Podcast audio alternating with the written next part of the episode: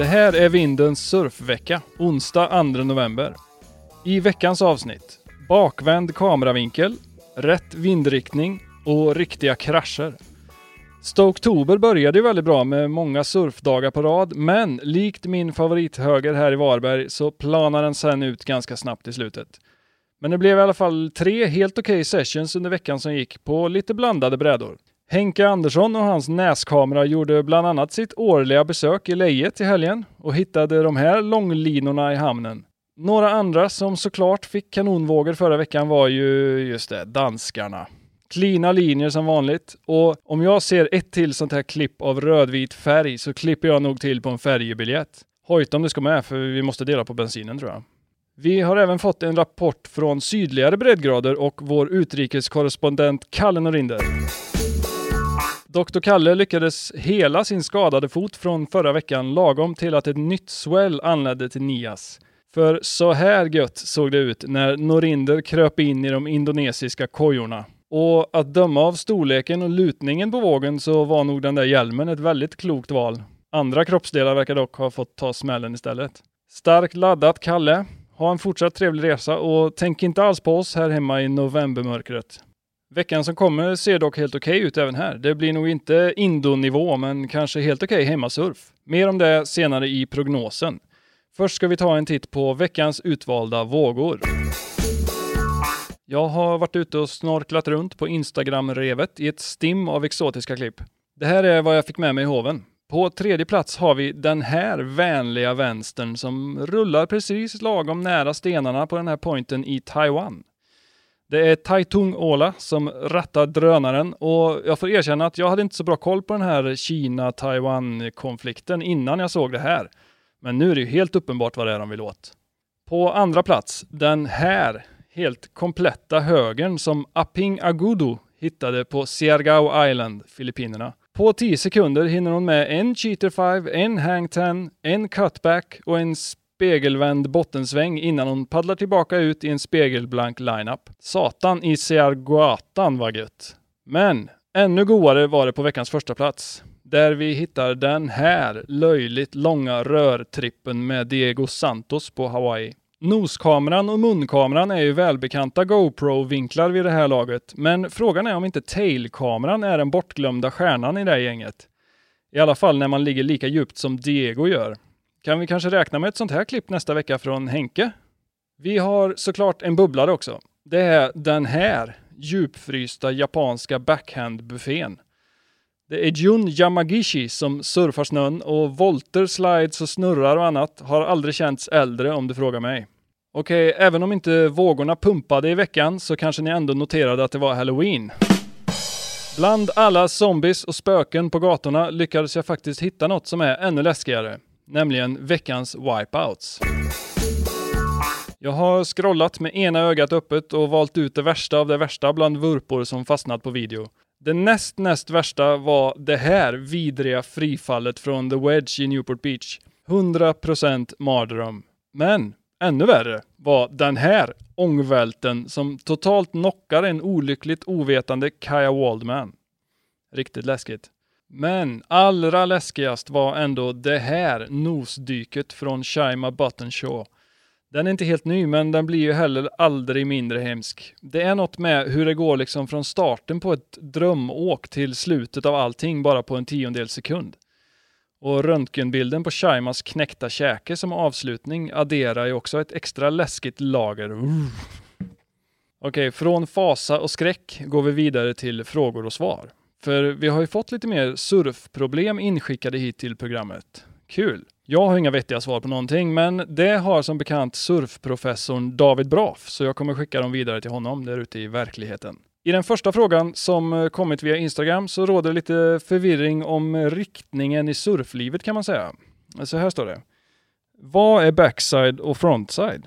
Snackar man med snurfare funkar det ju, men med en skatare så blir det plötsligt helt upp och ner. Ja, kanske en eh, okomplicerad fråga, men vi får se om professorn kan utveckla och reda ut det lite åt oss. Ja, mig veteligen så eh, råder samma terminologi av frontside och backside för både surf och skateboard. Sen är det absolut inget fel med att använda upp och ner. Jag tänker att huvudsaken är att vi gör oss förstådda med den vi pratar med. Men för att kortfattat ge dig svar på din fråga. Frontside är när du har tyngden på tårna eller mot tårna med bröstet mot vågväggen och backside med tyngdpunkten mot hälarna med ryggen mot vågväggen. Ett tips är att youtuba detta för att få en visuell förklaring. Lycka till! Tack för det David. Eh, vi tar väl en till från Instagram. Eh, vilken är rätt vindriktning för Kåsa? Ja, det här är ju ett kärt ämne om stranden här vid studion som jag skulle kunna prata länge om utan att antagligen komma fram till något. Så istället skickar jag vidare frågan till professorn. Vad säger du David? Frågor om vindriktning och annan information om surfspots är okej okay att fråga om, men det kan också vara svårt att svara på utifrån olika skäl. Några av de skälen har vi samtalat om under de två senaste avsnitten. Rekommenderar att titta på det. Men ett tips är att ta fram en karta och ett sjökort. Lokaliseras Kåsas position och utifrån att vågor i Sverige vanligtvis skapas av kraftig pålandsvind. Utifrån Kåsas position, vilken vindriktning ger då pålandsvind? Använd det, utforska. Lycka till! Tack David för det svaret. Vi hinner nog med en sista fråga här tror jag. Det är den här eh, V. Indén igen som skickat in en fundering. Så här skriver han, eller hon. Jag har 15 plus brädor i min samling. Tre av dessa används regelbundet, fem, sex stycken surfas sporadiskt och resterande samlar damm. Nu har jag hittat den perfekta brädan igen. Köpa eller inte? Ja, det här kan man ju verkligen relatera, eh, eller ja, lite grann alltså. Äsch. Vi hör vad professorn säger om min, eller förlåt, eh, tittarens fråga. Ja, många surfare skulle känna igen sig i ditt dilemma och eh, många fler skulle också argumentera för att när det kommer till surfbrädor så kan man aldrig ha för många. Så kan det ju vara. Men det här med att ha den perfekta brädan, finns det ens en perfekt bräda som alltid kommer täcka våra behov och olika vågtyper? Jag hoppas och tror att så är inte fallet utifrån att det är den frågan som driver på utveckling och innovation inom brädskapandet. Och vad som är perfekt tenderar väl att variera ut med tidens gång. De här brädorna som samlar damm har ju en gång kanske varit just den perfekta brädan. Men utifrån din, att dina behov har förändrats så har också brädans värde förändrats. Så i det här dilemmat så kan det vara värt att fråga sig själv. Om jag skaffar en till bräda, står det i vägen på något sätt för att leva det livet jag vill? Kommer den stå i vägen för att vara i de relationerna jag eh, lever i? En annan eh, fråga värd att reflektera över att blir jag förminskad om jag gör förändringar i min samling? Blir den jag är förminskad utifrån det? Reflektera över det. Lycka till! Tack så mycket David! Fortsätt gärna skicka in era frågor till oss via Vindens Instagram, vindenvbg, så får ni svar redan i nästa veckas avsnitt. Okej, okay, det har blivit dags att se vad som har hänt i surfsportens värld. De utlandssvenska USA-surfmästerskapen i poolsurf närmar sig med stormsteg. Nu på fredag avgörs den här helt overkliga tävlingen i vågpoolen i Texas en blågul blandning av surfare har landat in från Lanzarote, Nya Zeeland, Bali, Stockholm och såklart Varberg. De ser definitivt ut att vara redo att göra upp om segern. 40 000 Swedish kronor står på spel till vinnarna. Så kolla in surfsm.se på fredag för någon slags livebevakning tror jag. En annan tävling som rullar allt närmare ett avgörande är såklart Surf World League.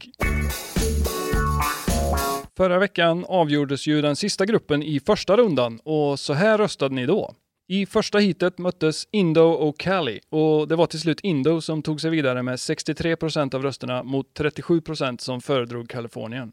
Andra hitet var en match mellan Hawaii och Hemligt. 68% valde ändå surfspottens surfspot före ett secret spot som fick 32 Heat 3 var det absolut jämnaste hittills. Det var till slut Jokern A-Bay som slog ut legendaren J-Bay med bara en enda rösts marginal och fick 51% Starkt.